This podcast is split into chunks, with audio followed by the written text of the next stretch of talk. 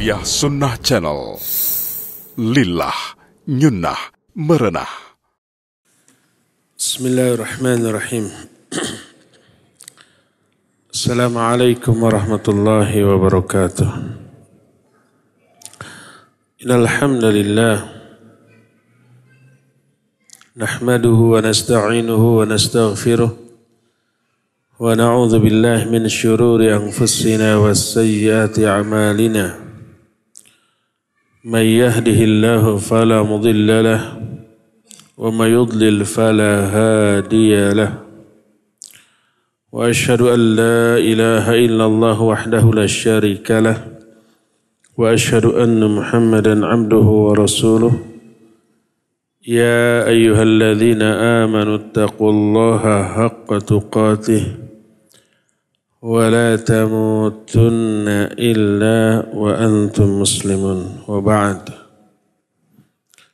Hadirin jamaah Masjid Agung Al-Ukhwah Bandung yang Allah muliakan.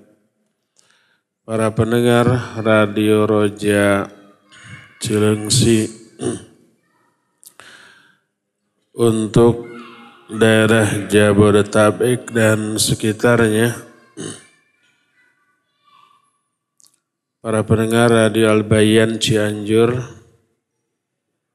pendengar Radio Tarbiyah Sunnah Bandung, pendengar Radio RBK dan TV RBK Kebumen, Radio Satu Lombok, Radio Suara Kalbu Jayapura Irian Jaya, Radio Amuba Pangkal Pinang, Radio Hidayah Pekanbaru, Radio Roja Palembang, Roja Lampung, Roja Berau, Roja Tanjung Pinang, Roja Pontianak, pemirsa Roja TV di mana saja Anda berada, dan radio-radio serta TV lain yang ikut merilai kajian kita di sore hari ini. Alhamdulillah kita jumpa lagi dalam kajian khusus muslimah. Jadi ini bukan untuk ikhwan. Bubar aja ya. Tema yang kita angkat sekarang adalah memperindah diri. Khusus untuk akhwat biasa yang suka berdandan, mempercantik diri. Sekarang ini tidak hanya wanita-wanita biasa. Tidak hanya perempuan awam. Tapi akhwat-akhwat juga yang sudah lama ngaji sering lebay di dalam berdandan ketika keluar rumah. Tidak hanya lebay berdandan ketika kekondangan ke resepsi pernikahan atau jalan-jalan ke mall. Bahkan kadang-kadang berlebih-lebihan dalam berdandan juga dilakukan oleh para akhwat ketika ngaji. Sebagian akhwat, mudah-mudahan sebagian kecil ya, mudah-mudahan hanya di sebagian kota Mudah-mudahan tidak sampai ke Bandung ini. Sebagian kecil akhwat, hanya berapa orang saja. Cuma kawan-kawannya yang banyak. Ketika ngaji, sering kali memakai pakaian yang berlebihan dalam seluruh aksesoris yang dia pakai. Tidak hanya pakaian, tasnya, sepatunya, jam tangannya, kadang-kadang perhiasannya dibawa. Itu mau ngaji loh. Apalagi kalau berangkat ke tempat yang di luar pengajian. Kalau ke kondangan, kadang-kadang ke salon dulu. Kadang-kadang nggak punya perhiasan, pinjem ke kawan, ke saudara, ke orang tua. Bahkan yang lebih lebay lagi, Lebay itu sudah mengandung unsur lebih ya. Ini lebih lebay, ada yang nyewa perhiasan untuk sekian jam, untuk sekian hari. Sekedar untuk ditunjukkan ke orang. Untuk mempercantik diri. Nah, itu banyak terjadi sekalipun itu sesuatu yang memprihatinkan kita. Semoga Allah menyelamatkan akhwat-akhwat kita dari sikap seperti ini. Lebih parahnya lagi, mereka itu menjustifikasi, melegitimasi sikap lebay tersebut dengan nas, dengan dalil, baik ayat ataupun hadis yang sahih. Ayatnya pasti benar, tidak ada ayat yang salah. Hadisnya pasti benar selama itu sahih. Tidak ada hadis sahih yang salah, yang keliru. Dalil yang dibawakannya benar. Istidlalnya yang salah, yang keliru penerapan dalil itu yang keliru. Interpretasi atau penafsiran plus pengamalan penerapan ayat dan hadis itu yang salah.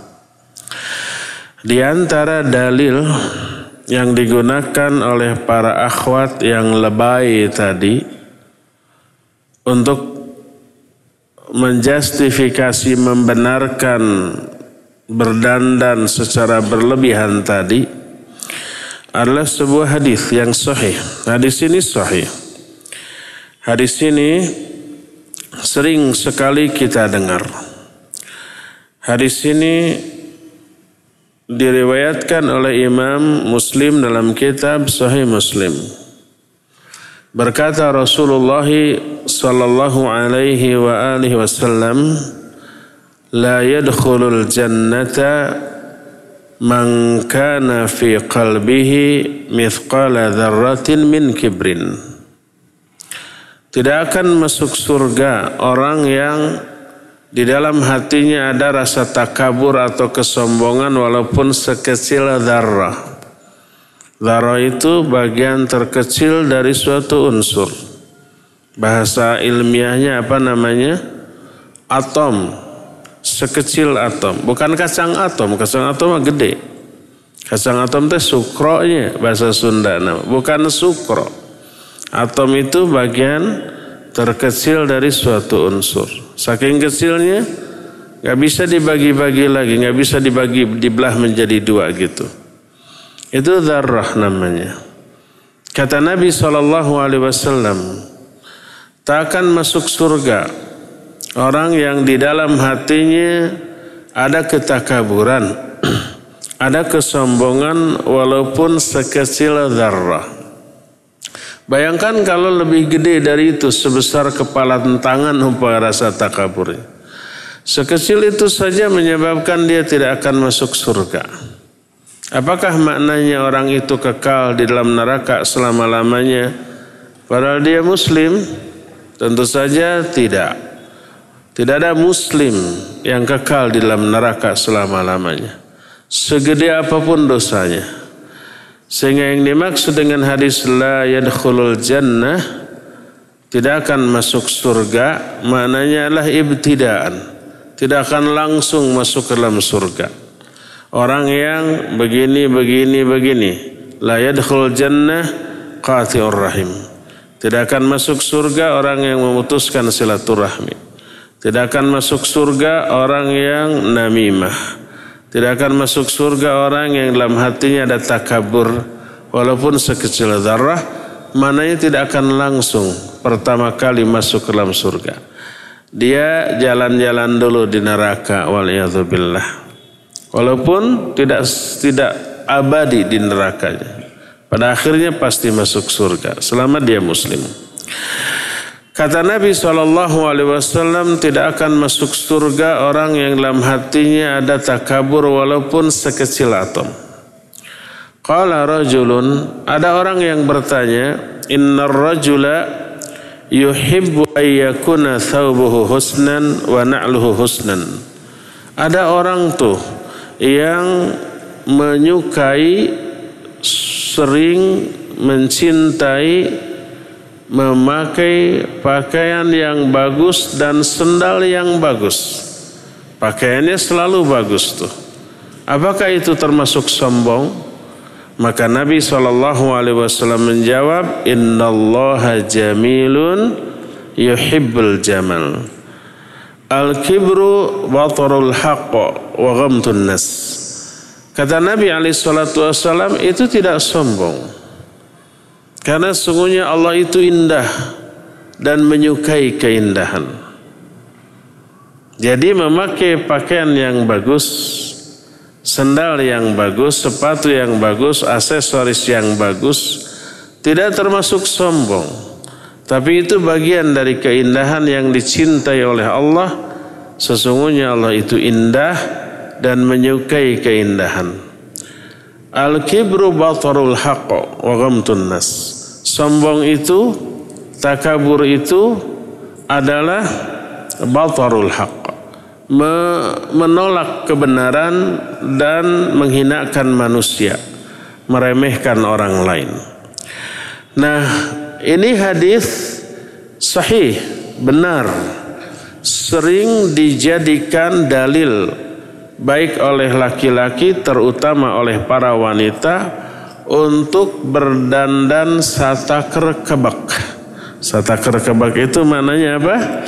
Dandannya berlebih-lebihan agar terlihat dirinya itu indah. Pakaian bagus, seluruh aksesoris yang dipakai bagus. Lalu berdalil dengan hadis ini bahwa memakai pakaian dan sendal yang bagus tidak termasuk sombong tapi bagian keindahan yang Allah cintai.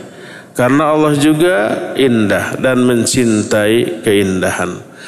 Dari hadis inilah para wanita banyak melakukan dandanan secara berlebihan. Inilah yang perlu diluruskan. Dijawab oleh para ulama, "Na'am, innallaha jamilun yuhibbul jamal." Memang benar Allah itu indah dan mencintai keindahan tapi maknanya lah keindahan yang Allah bolehkan baik dalam hal berperhiasan ataupun dalam hal berpakaian tidak melanggar apa yang Allah haramkan maka tidak boleh seorang wanita untuk berdandan semaunya memakai aksesoris perhiasan sesuai dengan keinginannya. Karena apa? Karena banyak perhiasan-perhiasan yang oleh Allah Azza wa Jalla ternyata diharamkan. Contoh umpamanya diharamkannya emas dan eh, apa kain terbagus teh? Eh? Sutra emas dan sutra bagi laki-laki. Padahal laki-laki memakai emas dan sutra itu untuk mendandani diri gitu kan. Memperindah diri dan keindahan dicintai oleh Allah. Tapi ternyata itu diharamkan. Juga syariat mengharamkan para wanita yang memperindah diri, mempercantik diri dengan cara uh, mengerik alis, menyambung rambut, alisnya dikerik, lalu membuat garis alis baru ya yang berbeda dengan yang asal. Pakai tanda hitam dengan spidol, shot gitu ya. Dan dianggap lebih bagus daripada alis buatan Allah Azza wa Jalla. Itu termasuk perkara yang diharamkan mengerik alis dan mengganti dengan garis baru dengan spiral atau dengan warna hitam lain atau menyambung rambut atau mengikir gigi atau segala hal yang di dalamnya terkandung perbuatan merubah ciptaan Allah Azza wa Jalla. Maka itu juga memperindah diri. Tapi itu cara memperindah diri yang diharamkan oleh Allah Azza termasuk wanita berdandan menyerupai lima hal dilarang yaitu tasyabuh dengan cara berpakaian wanita-wanita kafir bertasyabuh dengan cara berpakaian laki-laki bertasyabuh dengan setan bertasyabuh dengan binatang bertasyabuh dengan ciri khas orang-orang fasik, orang-orang yang durhaka kepada Allah Azza wa Jalla. Jadi ada batasan dalam hal memperindah diri. Itu yang pertama. Kedua, coba perhatikan seluruh keindahan fisik, seluruh keindahan berpenampilan yang Allah cintai, semua itu sudah dilakukan oleh Rasul Sallallahu Alaihi Wasallam dan para istrinya dan para wanita sahabiat. Semua itu sudah diamalkan. Mereka tahu keindahan itu dicintai oleh Allah. Termasuk dalam hal berpenampilan. Tapi mereka memperhatikan batasan dari memperindah diri. Tidak melanggar apa yang Allah haramkan. Memperindah diri mungkin bisa diraih dengan cara memakai pakaian yang bersih, badan yang segar, mengatur rambut, memakai pakaian yang menutupi tubuh, tidak dengan cara-cara yang berlebihan. Bahkan kadang-kadang Nabi SAW melarang para istrinya untuk memakai pakaian dari sutra dan memakai perhiasan emas. Padahal itu dibolehkan bagi wanita. Larangan Nabi kepada para istrinya untuk memakai sutra dan memakai emas itu diriwayatkan oleh Imam An-Nasai dalam kitab sunannya dan disahihkan oleh Imam Ibn Hibban. Berkata Imam Ibnu Battal rahimahullah yang dinukil oleh Imam Ibnu Hajar dalam kitab Fathul Bari Syarah Sahih Bukhari. Min akhlaqil anbiya at-tawaddu wal bu'du anit wa ihtihanun nafsi liustanna bihim li'alla yakhludu ila rafahiyah al-madmumah wa qad usyira ila dhammiha biqaulihi ta'ala wa dharni wal mukadzibina ulin na'mati wa mahilhum qalila. Kata Imam Ibn Battal di antara akhlak para nabi adalah tawadhu dalam berpenampilan menjauhi tana'um.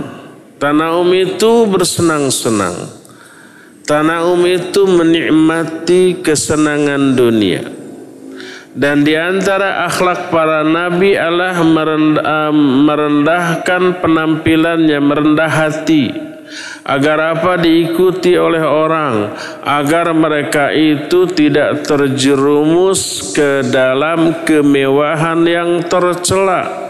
Ada ayat yang mengisyaratkan tercelaknya orang yang bersenang-senang, bermewah-mewah dalam berpenampilan. Dalam surah Al-Muzammil ayat yang ke-11 Allah berfirman, "Wadharni wal mukadzibin ulin ni'mati wa mahilhum qalila."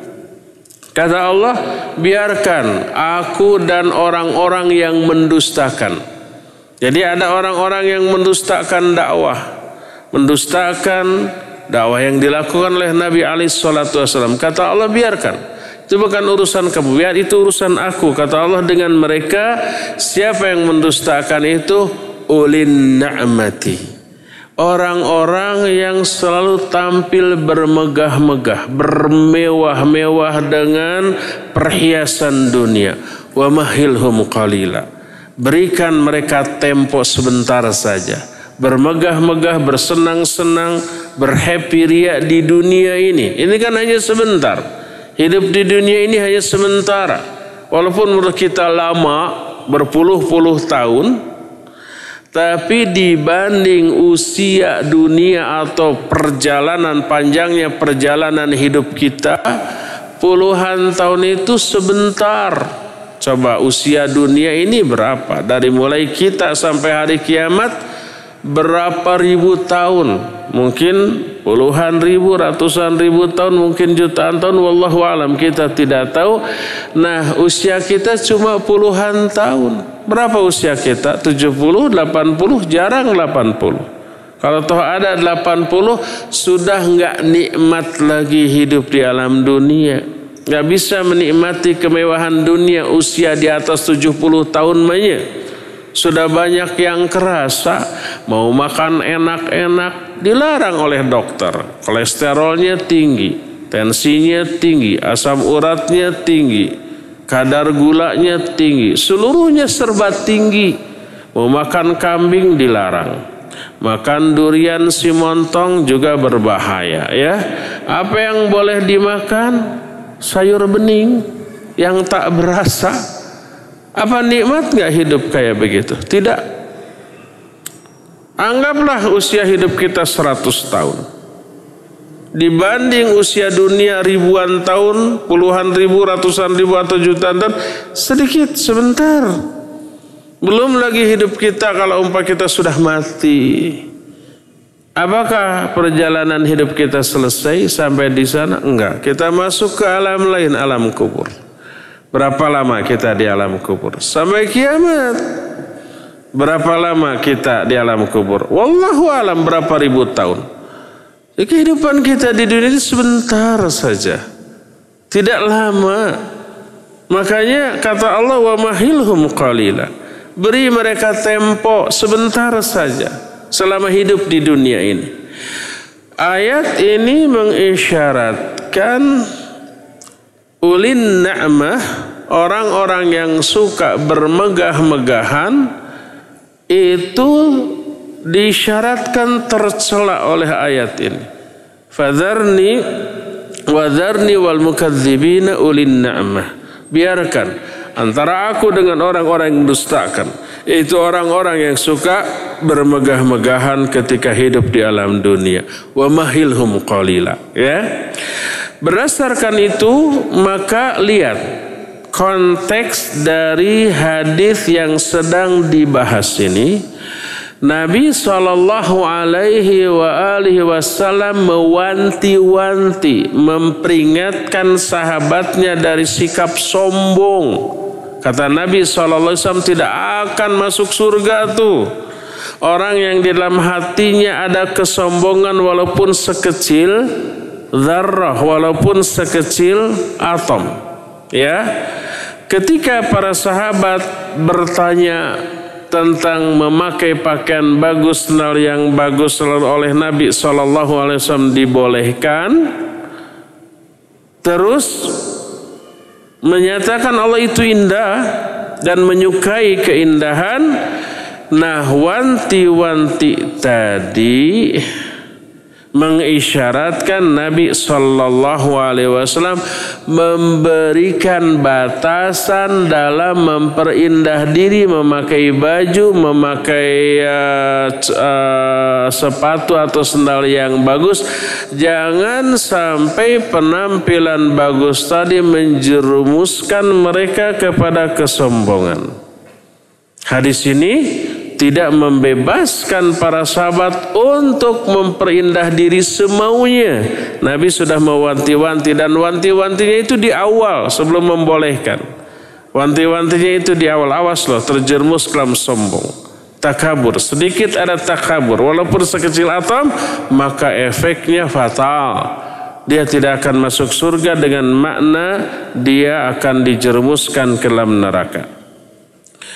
Bahkan Nabi Shallallahu Alaihi Wasallam memberi peringatan yang menjadi fokus perhatian Allah terhadap kita, yang menjadi titik penilaian Allah terhadap kita bukan aspek lahir, penampilan fisik atau aspek yang berkaitan dengan harta enggak tapi yang berkaitan dengan aspek batin dan amalan yang lahir dari kondisi batin tadi dalam hadis sahih riwayat Imam Muslim dalam kitab Sahih Muslim berkata Nabi Ali salatu wassalam Inna Allah la yanduru ila suwarikum wa amwalikum walakin yanduru ila qulubikum wa amalikum.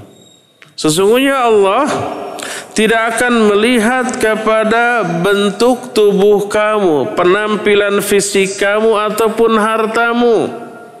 Maknanya penampilan fisik ini enggak akan dinilai pahala atau dosa. Seseorang tidak akan dianggap dosa hanya karena bentuk badannya para ruguh.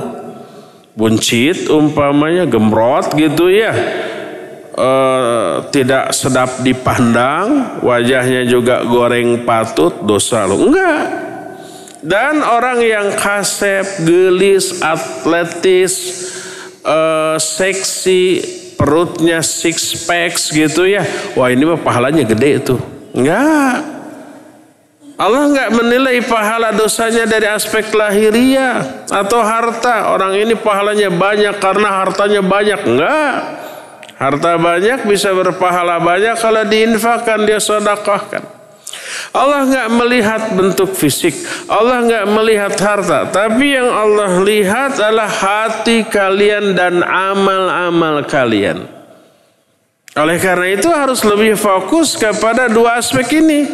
Aspek hati, aspek batin, dan aspek amalan yang lahir dari batin, dari kondisi batin tersebut. Dalam hadis lain, Berkata Nabi Ali Shallallahu Wasallam kepada Muad bin Jabal radhiyallahu an. Kata beliau, Iyaka wa tana'um fa inna ibadallah laisa bil mutana'imin. Hindari oleh kamu bersenang-senang, bermewah-mewah. Karena apa? Ibad, ibadullah hamba Allah yang hakiki, hakiki itu bukanlah hamba Allah yang suka bersenang-senang dengan kehidupan dunia. Mereka itu ada bagi mereka yang lebih menyenangkan, lebih menarik daripada dengan dunia, yaitu apa? Bersenang-senang dengan berkhalwat dengan Allah Azza wa Jalla kenikmatan yang hakiki yang mereka rasakan hanya mereka raih melalui ibadah, melalui sholat, melalui saum, melalui baca Al-Quran, melalui zikir, melalui seluruh aktivitas yang berkaitan dengan Allah Azza wa Jalla. Membaca Al-Quran adalah membaca kalamullah seolah-olah orang itu berdialog dengan Allah Azza wa Jalla. Ya, Demikian juga ibadah-ibadah. Itu yang melahirkan kenikmatan rohaniah bagi mereka. Kebetahan mereka itu, perasaan kerasan mereka di dunia itu karena itu. Bukan dengan kemewahan duniawi. Itu isyarat yang tercantum dalam sabda Nabi kepada Muad bin Jabal. Beliau menyatakan inna ibadallah laisu bil mutana'imin Hamba-hamba Allah yang hakiki itu bukanlah orang-orang yang suka bersenang-senang dengan kehidupan duniawi. Hadis ini diriwayatkan oleh Imam Ahmad dalam kitab Musnadnya. Berkata Imam Ibnu Hajar Al-Haythami dan Imam Al-Munziri rawahu Ahmad thiqat bahwa arwatu Ahmad thiqat. Para perawi hadis riwayat Imam Ahmad ini semuanya thiqat. Sikat itu terpercaya. Nabi Ali Shallallahu Wasallam pun menganjurkan kita untuk tawadhu dalam hal berpakaian dan mengiming-imingi dengan iming-iming yang menggiurkan terhadap orang yang tawadhu dalam berpakaian dan berpenampilan. Berkata Rasul sallallahu alaihi wa alihi wasallam man tarakal libas tawadhu'an lillah wa huwa yaqdiru alaih da'ahu Allahu yaumal qiyamah ala ru'usil khalaiq hatta yukhayyirahu min ayyi hulal iman sya'a yalbisuha. Kata Nabi Ali Shallallahu Wasallam, siapa orang yang meninggalkan pakaian mewah karena tawadhu, padahal dia mampu. Kalau dia mau memakai pakaian termewah, dia mampu, uangnya banyak ada. Tapi dia tinggalkan karena tawadhu. Dia memakai pakaian yang biasa, maka kelak pada hari kiamat Allah akan memanggil orang itu di hadapan seluruh makhluk dan Allah mempersilahkan dia untuk memilih perhiasan iman yang dia sukai yang akan dia pakai. Dimuliakan orang itu. Diangkat derajatnya di hadapan seluruh makhluk pada hari kiamat. Karena dia rendah hati ketika di dunia, tawadu padahal dia mampu berpenampilan mewah. Hadis tersebut diriwayatkan oleh Imam At-Tirmidzi lalu Imam At-Tirmidzi menyatakan hadisun hasanun. Hadis ini juga diriwayatkan oleh Imam Ahmad, Imam Al-Baihaqi dalam kitab sunannya dan Syekh Al-Albani rahmatullahi alaihi mensahihkan hadis tersebut. Ketika Nabi Alaihissalam menerangkan tentang dunia, kehidupan dan kemewahannya, beliau bersabda, "Ala tasma'un? Ala tasma'un innal badadah minal iman, innal badadah minal iman." Tidakkah kalian dengar? Tidakkah kalian dengar? bahwa al-badada termasuk di antara iman, termasuk bagian dari keimanan. Dua kali beliau menyatakan al-badadatu minal iman. Apa sih al-bidadah itu? Berkata Imam Ahmad, al-bidadah at-tawadu fil libas. Al-bidadah itu adalah tawadu dalam hal berpakaian. Dalam Pendapat lain qila hiya rithasatul hay'ah wa tarku wa tarku fakhiril libas. Yaitu orang yang sederhana dalam berpakaian dan meninggalkan pakaian kemewahan. Berkata Imam Ibnu Hajar rahimahullah ketika menjelaskan hadis tersebut Hadis yang tadi diriwayatkan oleh Imam Abu Daud dengan sanad yang sahih. Berkata Imam Ibnu Hajar Al-Asqalani, al-muradu biha huna tarkut tarafuh wa fil libas wa tawaddu fihi ma'al qudrah la bisababi juhdi nikmatillahi azza wa jalla. Yang dimaksud dengan hadis tadi adalah meninggalkan bermegah-megahan, bermewah-mewahan dalam hal berpakaian dan tawadu dalam hal berpakaian padahal dia mampu bermegah-megah bukan karena sebab menghilangkan nikmat Allah pada dirinya tapi karena sikap tawadu dia kepada Allah Azza wa. Termasuk nih kaum laki-laki ya Nabi SAW mentarbiyah para sahabat di kalangan laki-laki untuk tidak lebay, tidak berlebih-lebihan dalam berdandan di antara dalam hal nyisir. Berkata sebuah hadis yang diriwayatkan oleh Imam At-Tirmidzi, naha Rasulullah sallallahu alaihi wa alihi wasallam anit tarajjuli ghibba Kata uh, hadis ini Rasul Shallallahu Alaihi Wasallam melarang menyisir illa riba kecuali riba. Riba itu jarang. Riba itu sehari menyisir sehari tidak selang-seling. Tidak boleh menyisir tiap hari. Kita bukan tiap hari lagi tapi sehari berapa kali? Gak kehitung. Dalam riwayat lain nah Rasulullah sallallahu alaihi wasallam ay yamtashitu ahaduna kulla yaum. Rasul sallallahu alaihi wasallam melarang kami menyisir tiap hari. Tiap hari dilarang. Antum berapa hari sekali nyisir? Pertanyaan yang salah ya, berapa kali nyisir setiap hari? Itu yang benar ya? Nyaris hampir setiap mau keluar rumah nyisir, ngaca dulu ya. Kadang-kadang nggak keluar rumah juga, ngaca nyisir, ngaca nyisir. Sok sekarang sweeping. Lihat di saku celananya masing-masing ada sisir nggak? Kalau ahwat ya jelas di kantongnya pasti ada sisir tuh. Tidak hanya sisir, ada bedak, ada lipstik, ada kaca kecil. Sok aja razia sekarang. Ikhwan juga begitu. Ngaku nggak di sakunya di, di sakunya ada ada sisir? Kalau saya wallahi tidak ada. Karena nggak butuh sisir. Nggak ada rambutnya, ya. Berapa kali nyisir setiap hari? Padahal Nabi Shallallahu Alaihi Wasallam melarang kita menyisir setiap hari. Ini kalangan ikhwan bukan hanya setiap hari, tapi sehari nyisir lebih dari lima kali, lebih dari jumlah sholat dalam sehari semalam.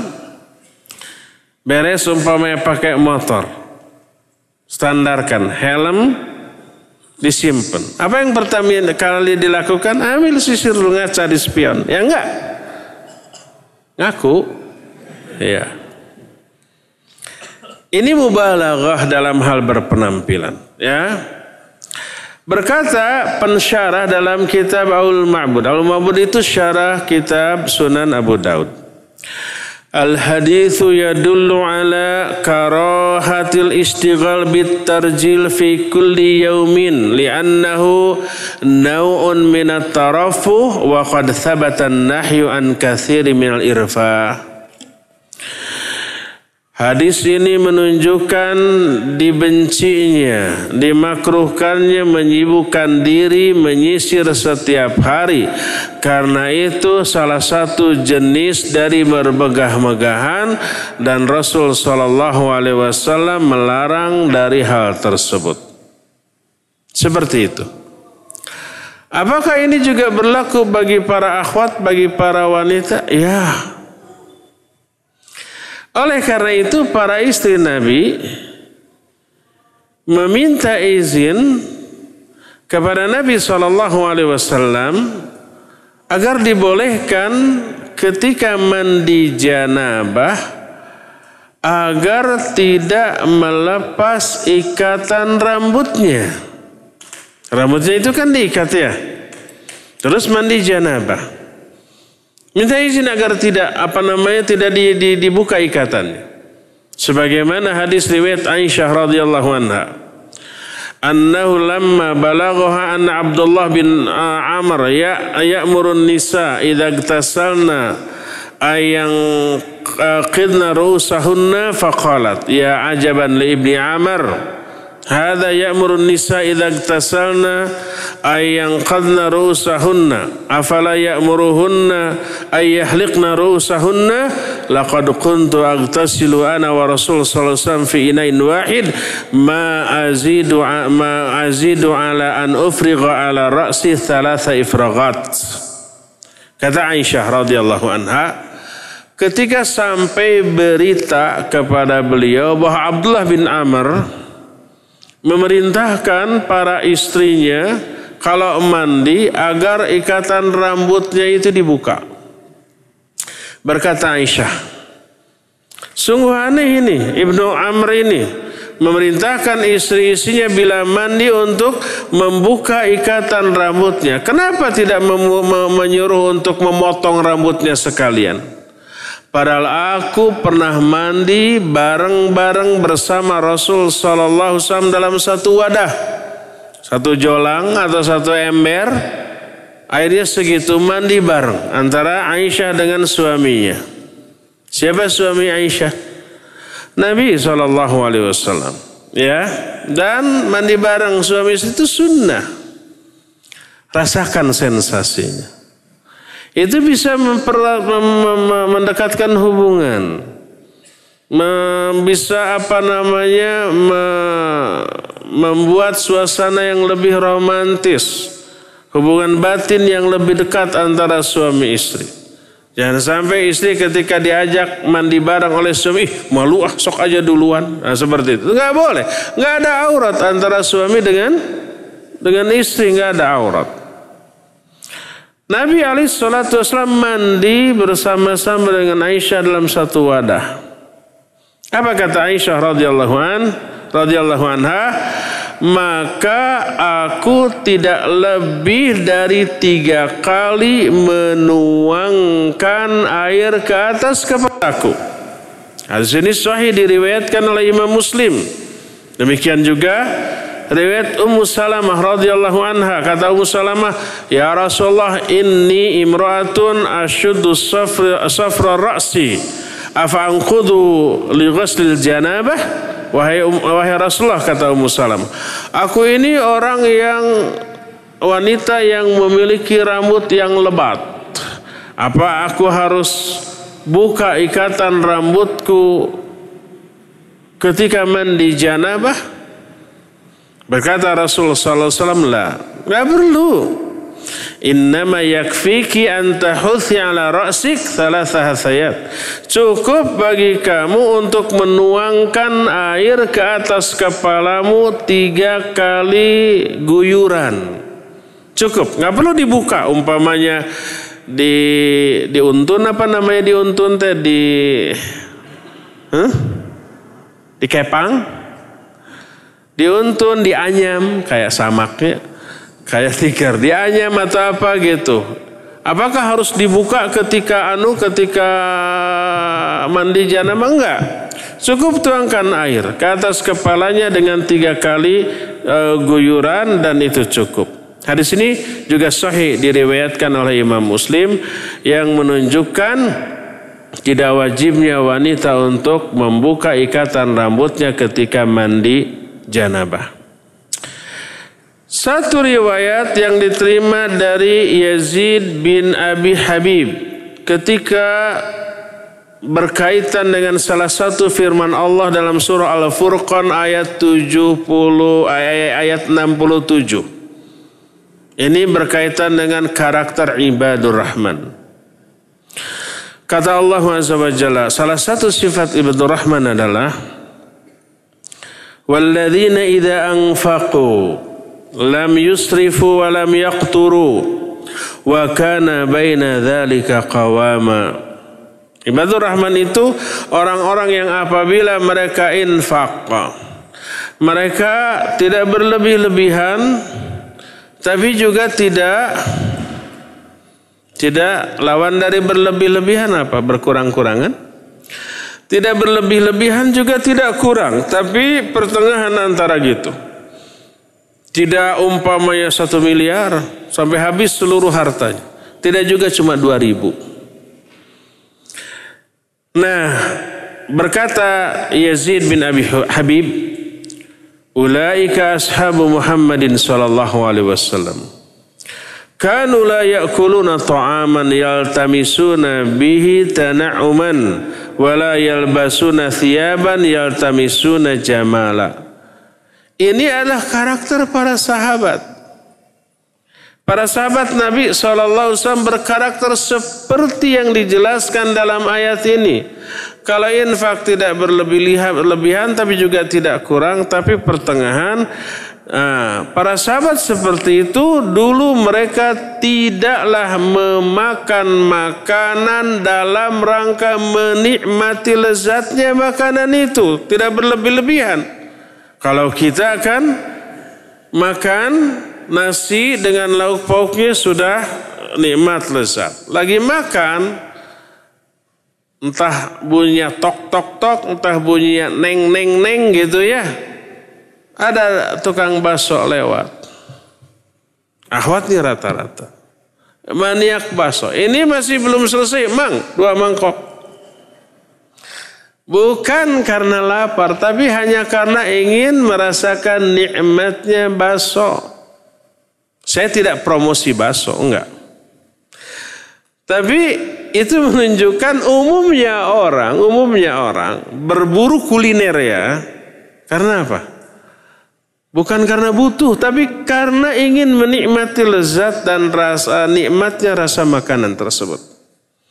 Orang memakai pakaian karena apa? Untuk memperindah diri. Para sahabat tidak begitu. Mereka makan sekedar untuk mengapa menghindarkan lapar yang melahirkan lemes sehingga mengganggu ibadah hanya untuk menghindarkan itu. Dan mereka memakai pakaian sekedar untuk menutupi aurat yang disyariatkan. Para sahabat kanu la yakuluna ta'aman yaltamisuna fihi tana'uman. Mereka tidaklah makan karena ingin bersenang-senang menikmati rasa makanan. Dan mereka tidaklah berpakaian karena untuk memperindah diri. Enggak. Inilah karakteristik para sahabat yang oleh Allah dicantumkan sebagai salah satu di antara sifat dari ibadur rahman. Satu riwayat Kana rajulun min ashabin Nabi sallallahu alaihi amilan bi Misr. Fatahu rajulun min ashabihi yas'aluhu an hadis sami'ahu min Rasulillah sallallahu alaihi wasallam. Faidha huwa sya'athu eh, ra'si. Faqal ma li araka sa'than wa anta amirul arad. Qal inna Rasul alaihi salatu wasalam kana yanhana an kathiri minal irfa' Qal fama lila ara alaika hidha? Qal kana nabiyyu sallallahu wasallam ya'muruna an nahtafiya ahya uh, ahyanan. Wa nahnu al-an nukhalifu wa nalbasul ahdhiya hatta fi buyutina. Ada salah seorang sahabat Nabi Wasallam dia menjadi penguasa di Mesir. Ini kalau bah, bah, zaman kita gubernur mungkin saat itu Mesir saat itu masih di bawah kekuasaan kaum muslimin dan penguasa yang ditugaskan di sana adalah salah seorang sahabat Nabi alaihissalatu wassalam. Nabinya sudah wafat. Maka ada salah seorang sahabatnya yang mendatanginya. Sahabatnya ini bertanya kepada gubernur Mesir saat itu, satu provinsi, bukan negara. E, bertanya tentang satu hadis yang pernah dia dengar dari Rasul alaihissalatu wassalam. Ternyata ditemuinya gubernur itu rambutnya acak-acakan. Tidak diberesin gitu. Tidak disisir. Lalu sahabatnya ini bertanya, kenapa aku melihat engkau ini rambutnya acak-acakan para engkau adalah penguasa di negeri ini. Sahabatnya, sahabat yang menjadi gubernur itu menyatakan, karena Rasul Sallallahu Alaihi melarang kita dari memperbanyak irfah. Irfah tadi sudah dijelaskan, menyisir setiap hari. Dilarang. Nabi SAW melarang kecuali riba. Riba itu tadi selang-seling, sehari nyisir, sehari tidak. Dua hari sekali itu. Makanya dan hari ini hari jadwal tidak nyisir. Besok baru nyisir gitu ya.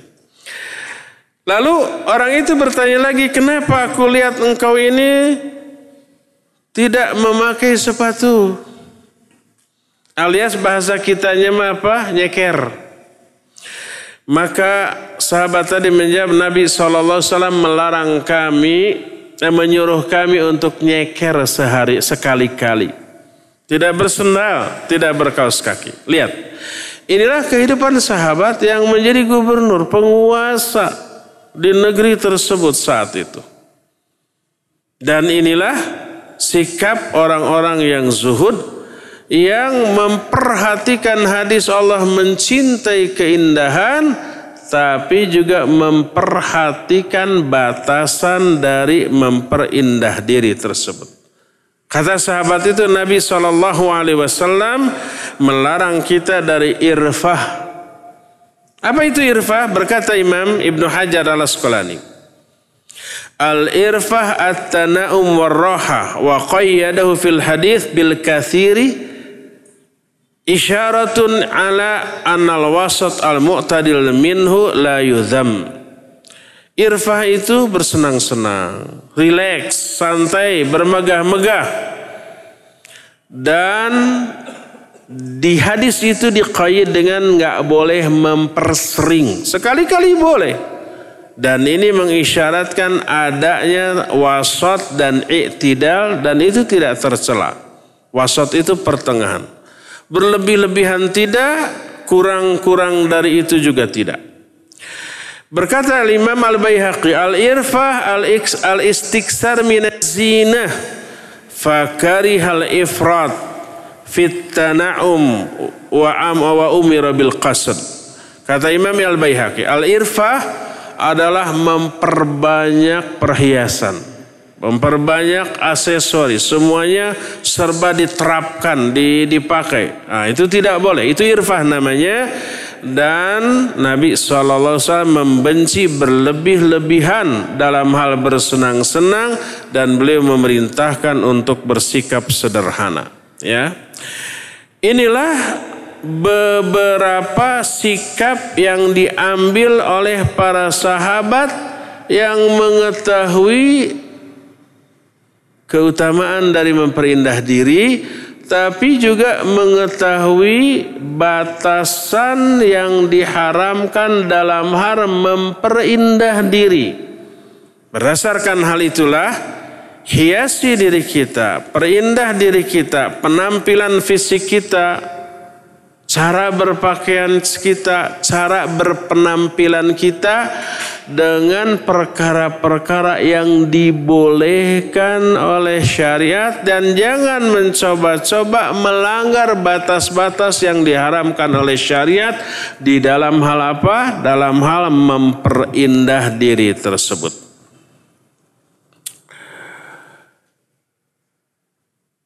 Itu poin yang pertama. Poin yang kedua. Annal mubalaghata fit tajammul. Wal ihtimam az-zaida bi husnil madhar yurisu sahibahu al-ujub awil khuyala. Sebab yang kedua alasan kedua.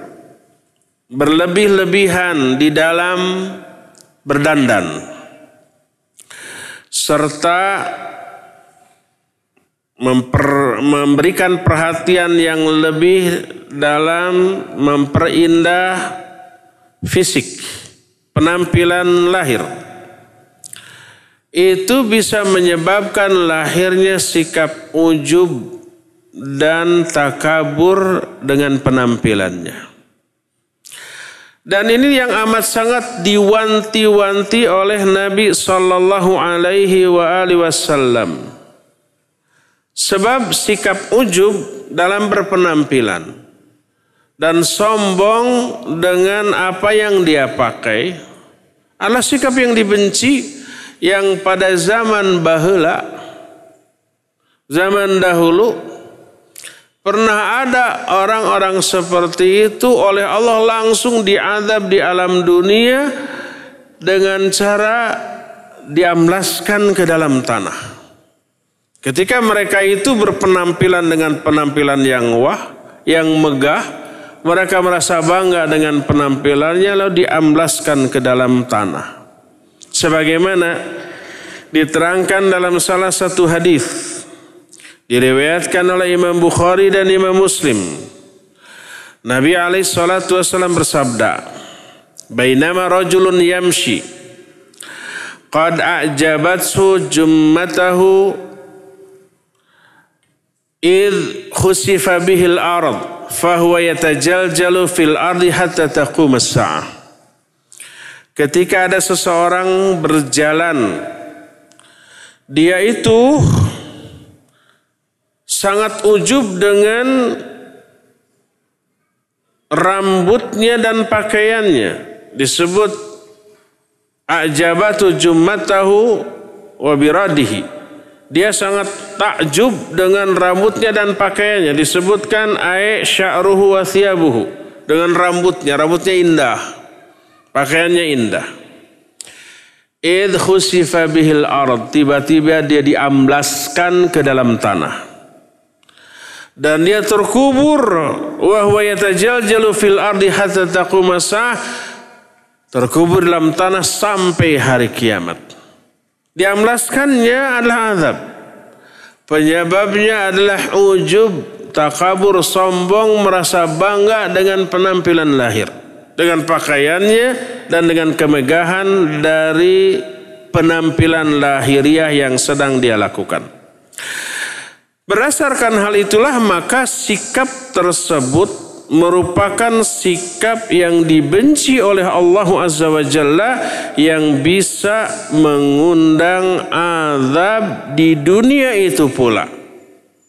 Dan ini merupakan peringatan kepada kita sekalian untuk tidak tampil bermegah-megahan. Tampillah sederhana tapi tidak mengabaikan aspek keindahan yang diterapkan oleh syariat.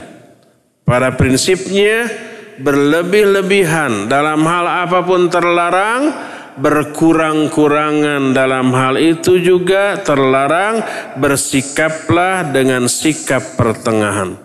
Tidak terlalu wah juga tidak terlalu kurang dari apa yang diberikan oleh Allah Azza wa Jalla kepada kita. Ya, berdasarkan hal itu maka berdandan secara berlebih-lebihan Baik bagi laki-laki terutama para wanita adalah terlarang dan tidak boleh berdandan berlebih-lebihan tersebut dijustifikasi, dilegitimasi, dianggap legal, dianggap boleh, dianggap benar dengan hadis yang sudah kita bahas tadi bahwa Allah itu indah dan menyukai keindahan. Ini hadis ini benar tetapi pemahaman dan penerapannya tidak boleh diterapkan semau kita ya. Inilah ikhwan dan akhwat kajian kita di sore hari ini cukup penjelasan sampai di sini dan kita masih punya sisa waktu untuk bertanya jawab dan bagi ikhwan dan akhwat dipersilakan untuk mengajukan pertanyaan sebab hari ini hari Kamis pertanyaan untuk jamaah dan bukan untuk pendengar radio Roja ya wa sallallahu ala nabiyina Muhammadin wa ala alihi wa ashabihi wasallam.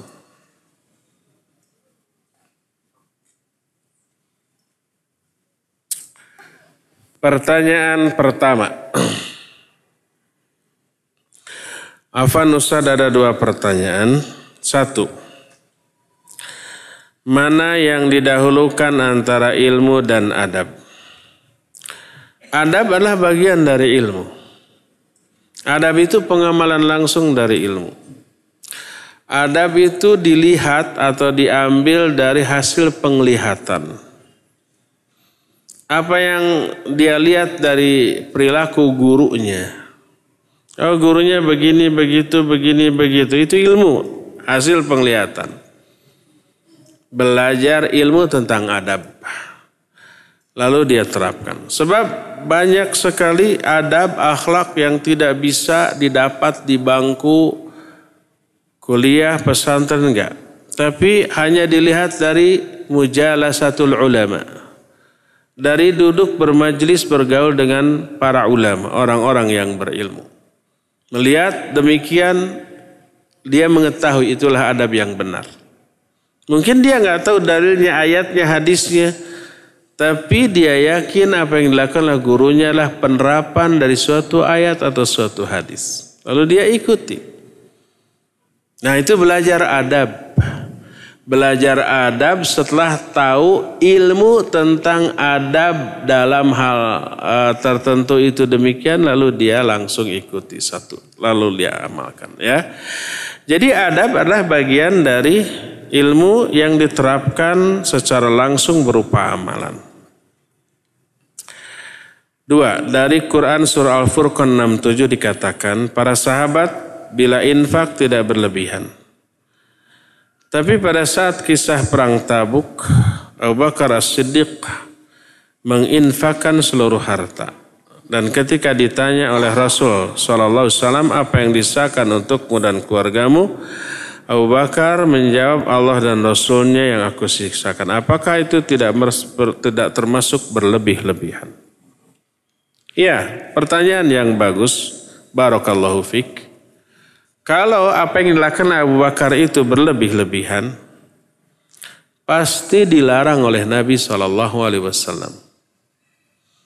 Jadi ketika Nabi Shallallahu Wasallam menyuruh sahabatnya untuk infak, Umar menyatakan, ah, kebetulan aku punya banyak harta. Pada hari ini aku pasti bisa mengalahkan Abu Bakar dalam hal infak. Faji'tu faji'tuhu bi nisfi mali. Aku datang kepada Nabi SAW dengan membawa setengah dari hartaku. Setengah dari hartanya itu banyak.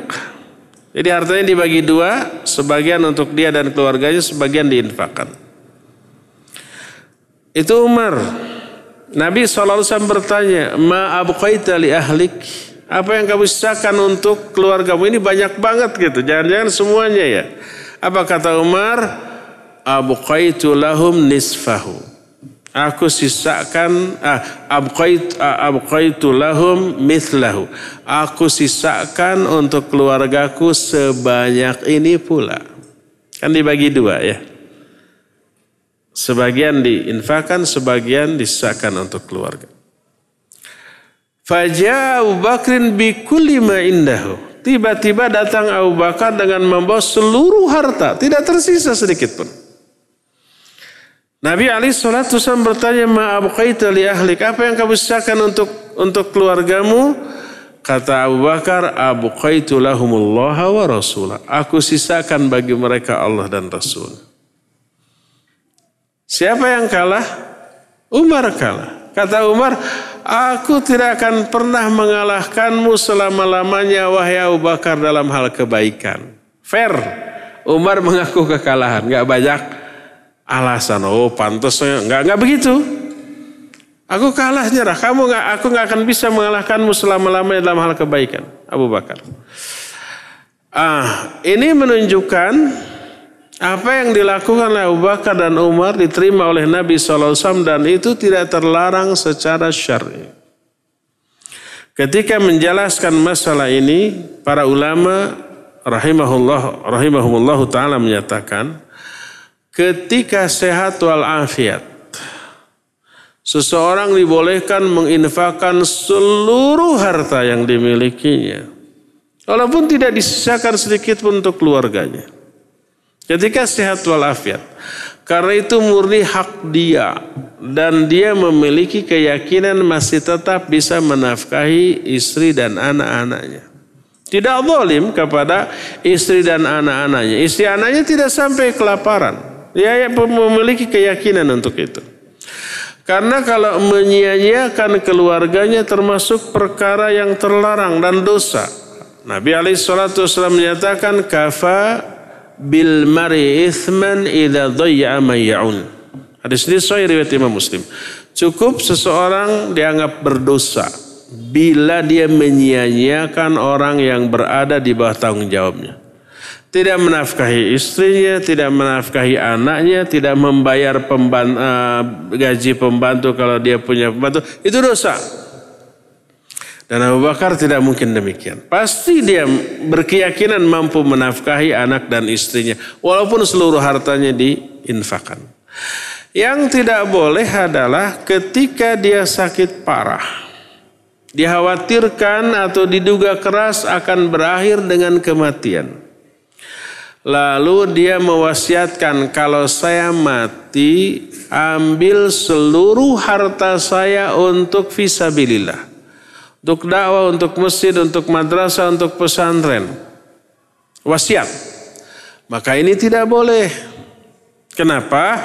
Karena di sana ada hak ahli waris. Sebagaimana Sa'ad bin Abi Waqqas radhiyallahu an, dia sakit parah, sakit keras di Mekah. Nabi wasallam menjenguknya, Lalu kata Sa'ad bin Abi Waqqas, wahai Rasulullah, aku mengalami sakit parah seperti yang kau lihat. Bolehkah aku menginfakkan dua per tiga dari hartaku. Dua per tiga. Aku tidak memiliki ahli waris dan hartaku banyak. Ahli warisku hanya satu, yaitu putriku saja. Hartaku banyak. Boleh nggak aku infak? Dua per tiga dari hartaku. Kata Nabi SAW tidak boleh. Setengahnya tidak boleh. Sepertiganya, ah, sepertiganya juga banyak, dibolehkan. Lalu sepertiganya diambil dan diinfakkan fisabillah. Berkata Syekh Al-Utsaimin rahimahullah, ini berkaitan dengan hak ahli waris. Kalau seorang sakit parah dan diduga akan mati, dia tidak boleh menginfakkan lebih dari sepertiga hartanya. Karena ada hak ahli waris di sana. Adapun ketika segar bugar, ketika sehat walafiat boleh seluruhnya karena dia nanti bisa cari lagi dalam keadaan sehat, ya. Jadi apa yang dilakukan Abu Bakar dan Umar tidak dianggap sebagai sikap yang berlebih-lebihan karena kalau berlebih-lebihan pastilah akan dilarang oleh Nabi Shallallahu Alaihi Wasallam. Allahu a'lam bishawab.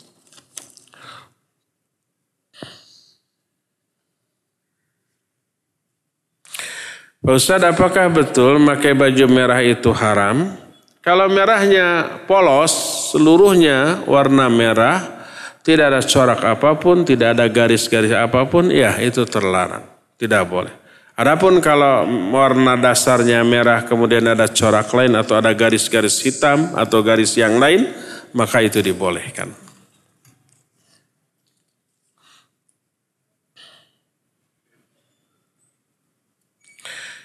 sebagai saran untuk Ustadz. Ah, ini saya lebih suka ini daripada pertanyaan. Sepahit apa pun saran, boleh ya. Ahsan kiranya ketika ada pertanyaan untuk ahwat, menjawab pertanyaan dari Ustadz, jangan pakai sound atau mic. Saya nggak dengar dong jawabannya ya. Karena khawatir akan muncul fitnah. Jadi bagaimana caranya?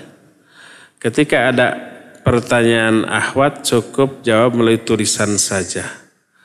Kertas jawaban dikasih ke Ustadz, lalu dibacakan oleh Ustadz atau panitia. Afan kalau kurang berkenan. Berkenan, berkenan bingit. Pertama, suara wanita bukanlah aurat selama dia bicaranya normal, wajar. Tidak digenit-genitkan. Tidak dibuat-buat. Uh, Karena apa? Karena pernah nggak para wanita bicara bertanya langsung kepada Rasul Shallallahu Alaihi Wasallam? Pernah. Apakah Nabi suara kamu aurat? Tulis saja nanti. Pakai surat. Nanti saya jawab. Apa begitu? Tidak. Termasuk apakah pertanyaan para wanita di zaman Nabi terdengar oleh para sahabat? Iya.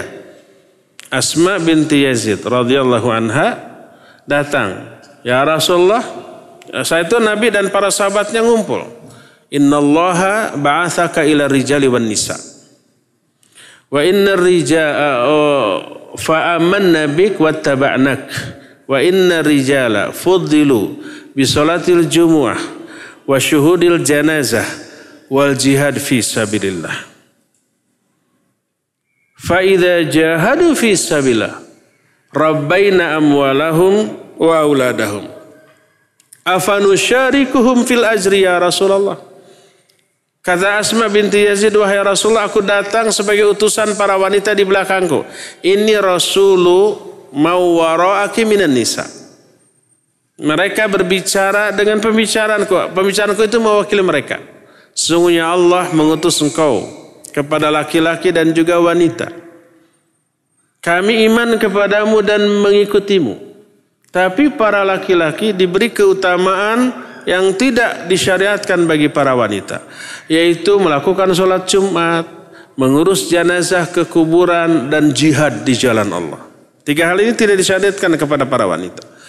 Bila para laki-laki jihad di jalan Allah, kami yang menjaga harta mereka dan anak-anak mereka. Jadi wanita merasa punya apa? Punya andil terhadap jihadnya para laki-laki. Afanusyarikuhum fil ajri ya Rasulullah. Apakah kami berserikat dengan para laki-laki dalam hal pahala? Artinya apakah kami akan peroleh pahala yang sama dengan pahala kaum laki-laki yang berjihad? Apa kata Nabi SAW? Beliau berpaling kepada para sahabat lalu bertanya hal sami itum. Apakah kalian pernah mendengar ya kaula uh, disebut hal sami itum kaula imro'atin tas'alu an amri dinihi ahsan min hadha? Kan pernah nggak kalian mendengar pertanyaan seorang wanita tentang agamanya yang lebih baik daripada pertanyaan wanita ini? Kata para sahabat tidak. Itu menunjukkan para sahabat mendengar nggak suara wanita itu? Ya mendengar dan melihat. Oleh karena itu Dibolehkan bagi wanita berbicara di hadapan laki-laki, terdengar suaranya, selama tidak digenit-genitkan. Kecuali kalau bicaranya didesah-desahkan. Ada segala macam, ya. Dibuat-buat yang membuat laki-laki terfitnah dengan suara wanita itu. Maka itu tidak boleh. Allah berfirman, "Wala takhda'na bil qawli Fayatma alladhi fi qalbihi marad. Itu surah Al-Ahzab ayat 33. Janganlah engkau hai para wanita menggenit-genitkan suara kalian. Sehingga hati laki-laki yang di dalamnya ada penyakit merasa terfitnah, terpesona dengan suara. Itu baru tidak boleh. Tapi kalau suaranya wajar, normal, ya. Apakah para istri Nabi suka berbicara dan ditanya oleh para sahabat laki-laki? Ya ditanya dan menjawab. Allah menyatakan faida sa'altumuhunna fas'aluhunna mi wara'i hijab. Kalau kalian mau bertanya tentang uh, sesuatu kepada para istri Nabi, maka bertanyalah dari balik hijab. Bertanya suaranya terdengar oleh uh, ummahatul mumin dan ummahatul mumin menjawab dan dengan suara yang terdengar juga maka dibolehkan seorang wanita berbicara di hadapan laki-laki asal hanya terdengar suara. Adapun tampil ceramah di hadapan laki-laki maka nggak boleh. Tapi kalau hanya suara saja dibolehkan. Nah makanya dalam tanya jawab dengan akhwat, akhwat memakai mik mikrofon terdengar selama si akhwatnya tidak genit dalam hal berbicara maka tidak apa-apa. Ya, tidak apa-apa. Tapi kalau ahwat bergenit ria, kita akan tegur. Ya. Tapi ini adalah saran yang bagus. Secara teknis akan sulit kalau umpamanya dia menulis, saya umpamanya memberi pertanyaan, dia nulis jawaban, nulisnya kan panjang. Belum ada salah di tip X dulu ya. Gak ada tip X, dicoret gitu ya. Kertasnya habis, eh sejam. Padahal waktunya ter terbatas ya. Kita pikirkan nanti cara yang lebih baik. Atau nge-WA gitu. Nulisnya juga lama. Wallahu a'lam bisawab.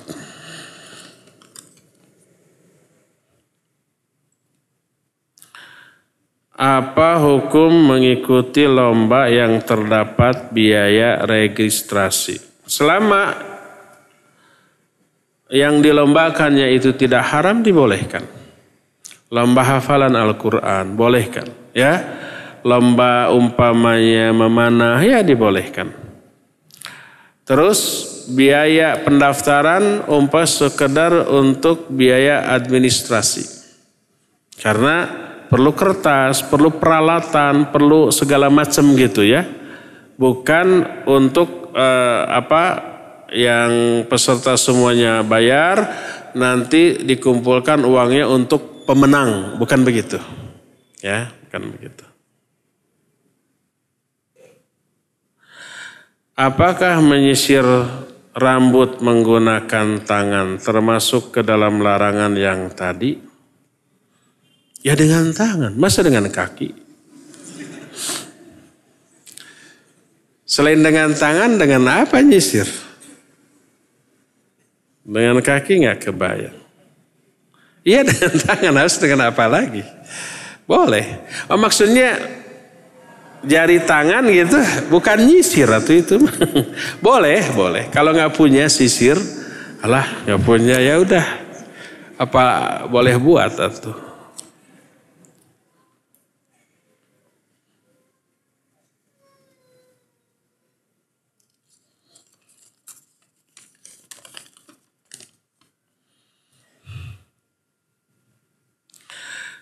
Ustaz, orang tua saya membeli mobil dengan cara kredit riba dan saya ikut terlibat dalam prosesnya. Sebelumnya saya telah mengingat-ingatkannya dan memberikan solusi dengan kredit syar'i.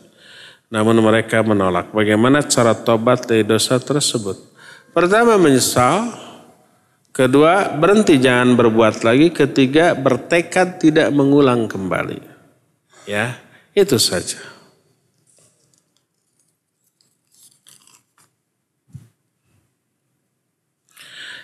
Ana dititipin uang oleh teman anak. Terus uang itu hilang dan dicuri. Apakah anak harus menggantinya? Tidak. Selama tidak mengambil jasa. Saya titip uang ya, nanti kamu saya kasih 100 ribu. Titipnya semiliar. Ah, kalau ada jasa seperti itu berarti dia bertanggung jawab. Kalau hilang ganti. Tapi kalau umpamanya tidak titip ya boleh. Nggak ada jasa apa pun. Jangan minta apa-apa nanti dititipin loh. Iya, hilang. Gimana lagi? Kalau umpamanya nanti harus kalau hilang ganti. Oh kalau gitu bayar. Kan gitu ya? Karena ada tanggung jawab untuk menjaga barang yang dititipkan tersebut. Dan apa anak bisa menuntut si pencuri? Kalau pencuri tahu tangkap, jangan dituntut. Ya perlu dituntut, tak tewak aja senin gitu.